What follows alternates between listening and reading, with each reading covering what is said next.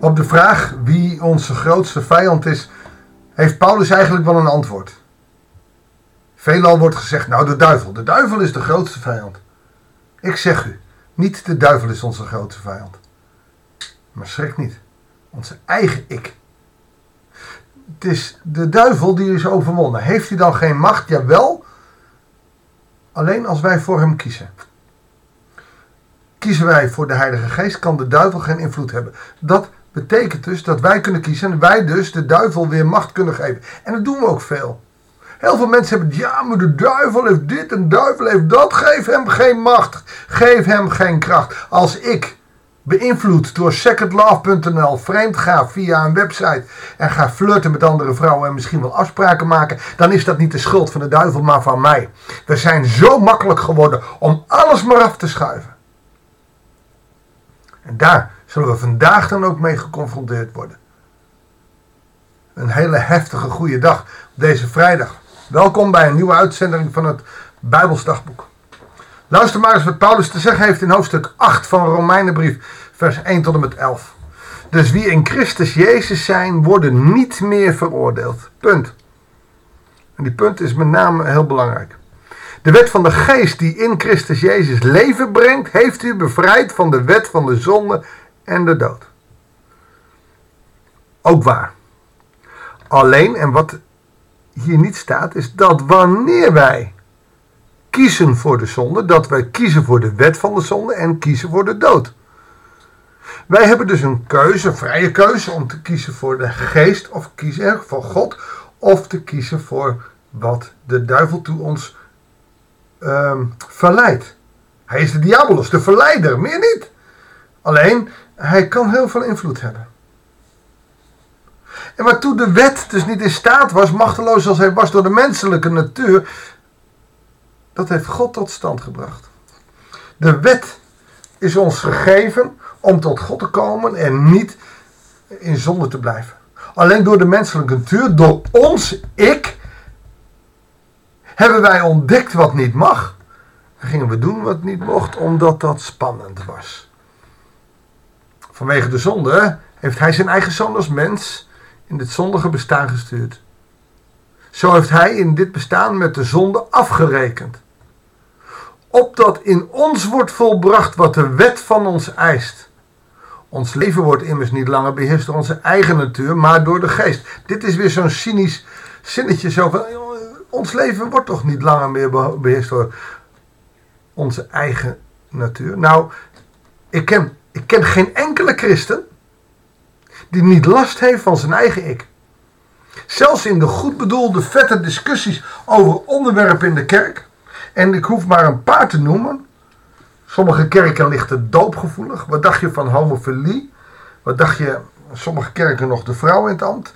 Het gek is dat dan altijd egootjes tegenover elkaar staan. Zondags prijzen ze en lopen ze de Heer handjes in de lucht. En ze zingen de psalmen breed uit. Maar oh wee. Oh wee als het anders is. Oh wee als iemand anders wat anders denkt. Dan worden onze ikjes geraakt. En dan komt de zonde in ons boven. Dan gaan we eigenwijs doen. Dan doen we niet wat Paulus in Filippenzen 2 zegt. De ander achter, uitnemen erachter dan jezelf. Nee. We gaan onze eigen ik voorop schuiven. Dat doen ook christenen. Wie zich door zijn eigen natuur laat leiden is gericht op wat hij zelf wil. Maar wie zich laat leiden door de geest is gericht op wat de geest wil. Daaruit moet je beslissen. Wat onze eigen natuur wil, uh, wil brengt de dood. Maar wat de geest wil, brengt leven en vrede. Dit is een, dit is een ferme uitspraak. Wat onze eigen natuur wil, brengt de dood. Uh, ja, ook binnen de kerkelijke wereld.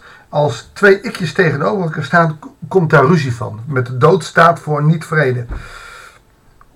Binnen kerkraden wordt er zelden iemand doodgeschoten. Dat wordt niet meer gedaan. Maar de dood is ook het negatieve. Onze eigen wil staat vijandig tegenover God, omdat alles wat God wil zo tegennatuurlijk is voor de mens. Hij wil dat we een stap verder doen, onze andere wang toekeren. Maar dat doen we niet. Dat doucheer. En daar gaat onze eigen ik van knagen. Want hij onderwerpt zich niet aan zijn wet en is daar ook niet toe in staat. Wie zich door zijn eigen wil laat leiden, kan God niet behagen. Dus wil je God behagen, wil je in Hem geloven, moet je je eigen ik afleggen. Maar, beste Romeinen en mensen in Nederland, of alle Nederlanders die meeluisteren wereldwijd, u leeft niet zo. Bam, right in your face. U laat zich leiden door de geest. Dit is cynisch, hè? Hij, hij roept ons op. U laat zich leiden door de geest. U maakt geen ruzie. U, u acht de anderen uitnemen dan uzelf, hè? En hij doet dat met een schijnheiligheid. Nee, met een heiligheid. Hij wil het namelijk hier heel scherp stellen. En in de hele Romeinenbrief zien we dat Paulus deze toon aanslaat. Maar u leeft niet zo. U laat zich leiden door de geest. Want de geest van God woont in u. Iemand die zich niet laat leiden door de geest van Christus, behoort Christus ook niet toe. Als Christus echter in u leeft, bent u door de zonde weliswaar sterfelijk. Oh, we doen wel zonde dus. Maar de geest schenkt u leven, omdat u door God als rechtvaardiger bent aangenomen. Deze tekst ga ik gewoon vet onthouden. Als nou ergens antwoord is op het feit dat we wel zondaren zijn, dan, uh, ik, ik, ben nu aan het schrijven, dus ik, ik stotter wat. Uh, Romeinen 8, vers 10. Dat is een geweldig belangrijke tekst. Als Christus echter in u leeft, bent u door de zonde weliswaar sterfelijk. Maar de geest schenkt u leven, opdat u door God als rechtvaardige bent aangenomen. Want als de geest van hem die Jezus uit de dood heeft opgewekt in u woont, zal hij die Christus heeft opgewekt ook u, die sterfelijk bent, levend maken door zijn geest die in u leeft. En dat levend maken, dat is allereerst bedoeld op het eeuwige leven. Dat is niet meteen nu hier en Levend door de geest, dood door de wet. Waarom dood door de wet? Is de wet dan slecht? Moeten we de wet afschaffen en, leidt de wet dan tot de dood? Nee, volstrekt niet. Maar onze eigen natuur misbruikt de wet, waardoor wij niet gered kunnen worden. Wat is daarvoor nodig? Dat Jezus zichzelf opoffert, doodgaat voor ons, om, om vervolgens het kwaad te overwinnen, zodat wij door de geest, die in Jezus was en Jezus daartoe uh, geleid heeft, en uit de dood heeft doen laten opstaan, omdat we door deze geest zullen leven tot in eeuwigheid. Eigenlijk is dat de boodschap. Als je dat zo leest, dan wil je toch niet meer zondigen? Dan wil je toch leven vanuit de geest? Het zou ons. Uh, het zou ons liefde moeten brengen. Het zou ons vreugde moeten brengen. Om God werkelijk waar te dienen met heel ons hart, met heel ons ziel, met heel ons verstand. We zouden het goede moeten willen doen. We zouden het kwade moeten willen laten. Maar die menselijke natuur, die eigen ik, die ego's, opgepompt of leeggelaten, ze staan recht tegenover de genade. En wat hebben we de genade dan nodig? Moeten we dan meer voor onszelf? Nou, dan gaan we dezelfde vragen stellen die Paulus de afgelopen dagen gesteld. Moeten we dan meer zondigen zodat we meer genade krijgen? Nee, we moeten niet meer zondigen. En God danken voor de genade elke dag weer.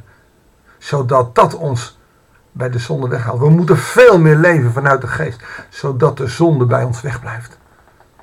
Zodat wij niet zondig zijn. Maar zijn genademiddelen. Zullen we daarvoor bidden? Heere God, dank u wel dat u dit woord geeft, dat u helderheid geeft. Het is best moeilijk hoe Paulus over de wet spreekt, Heere God. Soms lijkt het alsof hij hem helemaal afschaft. Nee, dat doet hij niet. Hij geeft hierbij gewoon in dit hoofdstuk ons eigen ik de schuld dat de wet tot de dood zou leiden. Omdat onze eigen natuur gericht is op onszelf, niet het goede wil. Heer, zo volgen we de Shabbat niet meer. Zo eren we onze vader en moeder niet meer. Zo doden wij de ander door elkaar te negeren. En zo verleiden we onze buurvrouw waardoor zij gaat scheiden.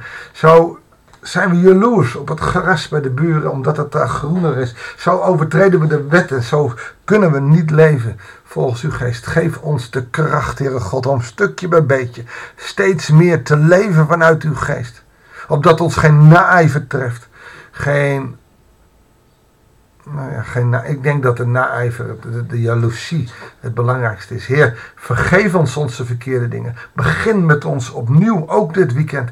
Opdat wij in vrijheid en in reinheid mogen leven. Heer, we binnen het u. In Jezus' naam. Amen. Dankjewel voor het luisteren. Ik wens je God zegen en heel graag tot de volgende uitzending van het Bijbelsdagboek.